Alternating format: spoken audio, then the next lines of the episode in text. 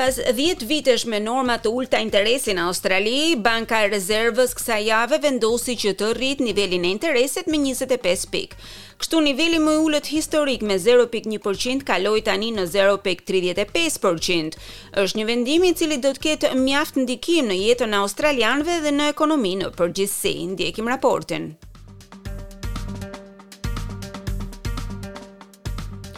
Është norma e parë e interesit, e cila rritet në 11 vite, por të prekurve nuk u është dashur shumë kohë për ta kuptuar se kjo rritje do të sjellë ndryshime për ta. Ramon Gupta filloi që të kursente për të blerë shtëpinë e saj kur ishte vetëm 18 vjeç. Tani rreth të 30-tave ajo ka arritur që të blejë një apartament me dy dhoma gjumi në periferinë jugore të Sidnit në Rockdale. Ajo mori çelësat e shtëpisë disa ditë përpara se Banka e Rezervës të rriste normat e interesit. Lajmi e bëri që të ndihej e shqetësuar, sepse ajo e di se tani duhet që të shpenzojë më shumë në lidhje me pagesat e shtëpisë.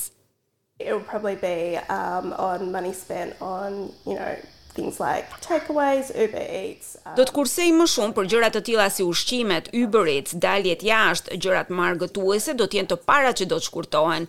Kjo do të thotë se do të bëjmë një sakrificë, është një sakrificë që e bëjmë të gjithë, apo jo?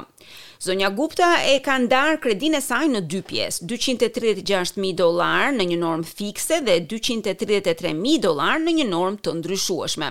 Por norma fikse është e mbyllur vetëm për dy vite dhe ajo ka frikë se kur të dalë nga kjo normë, shifrat e interesit do të jenë shumë më të larta. Megjithatë, thotë ajo, ndihet me fat për disa arsye. being able to put away extra money during covid um when when i was i was i'm also fortunate enough to um be able to arrita që të kurseja gjatë covid jam me fat që mund të punoj nga shtëpia dhe kjo ka luajtur një rol ANZ dhe Commonwealth Bank lajmëruan menjëherë se do ta kalonin këtë rritje të interesit te konsumatori dhe nëse bëhet nga të gjitha bankat, atëherë rritja do t'i kushtojë një personi që ka kredi gjashtëdhjetë e pesë dollarë në muaj, në rast se kjo kredi është në shifrën pesëqind mijë dollarë, ose njëqind e tridhjetë dollarë në muaj nëse kredia është një milion dollarë. Sally Tindall nga faqja e krahasimit të kredive Rate City thotë se ky është vetëm fillimi. Westpac is forecasting that the cash rate could get to two percent by May of next year if that happens. Westpac ka parashikuar që norma e interesit mund të shkojë në dy për qind deri në maj të vitit të ardhshëm.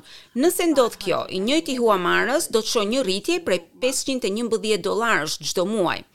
Ivan Colhoun është shefi global i hulumtimeve nga Banka Kombëtare e Australisë. Ai thotë se kjo rritje e normës është e vonuar, sepse natyra e vendimmarrjes së Bankës së Rezervave ka ndryshuar kohët e fundit.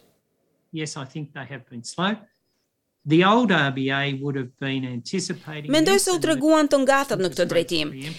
Banka e vjetër do të kishte parashikuar një rritje të inflacionit dhe do të kishte lëvizur menjëherë me rritjen e normave të interesit. Ndërkohë që banka që kemi tani u tregua pak më e ngathët dhe natyrisht që nuk i dorëzuan objektivat e tyre të inflacionit dhe nuk parashikuan ashtu siç duhet. Ka disa në komunitet që përfitojnë nga këto norma të larta të interesit dhe janë pikërisht pensionerët të cilët kanë shuma parash të depozituara në depozitat me afat. Paul Versteege, menaxher i politikave për shoqatën e pensionistëve në New South Wales. I don't think that uh, that term deposit rates will uh, will actually ever catch up with inflation rates. So Nuk mendoj se normat e depozitave me afat do të arrijnë ndonjëherë në normën e inflacionit. Kthimi ideal do të ishte që të paktën normat e inflacionit të jenë disi të përballueshme për këtë grup të komunitetit, tha ai.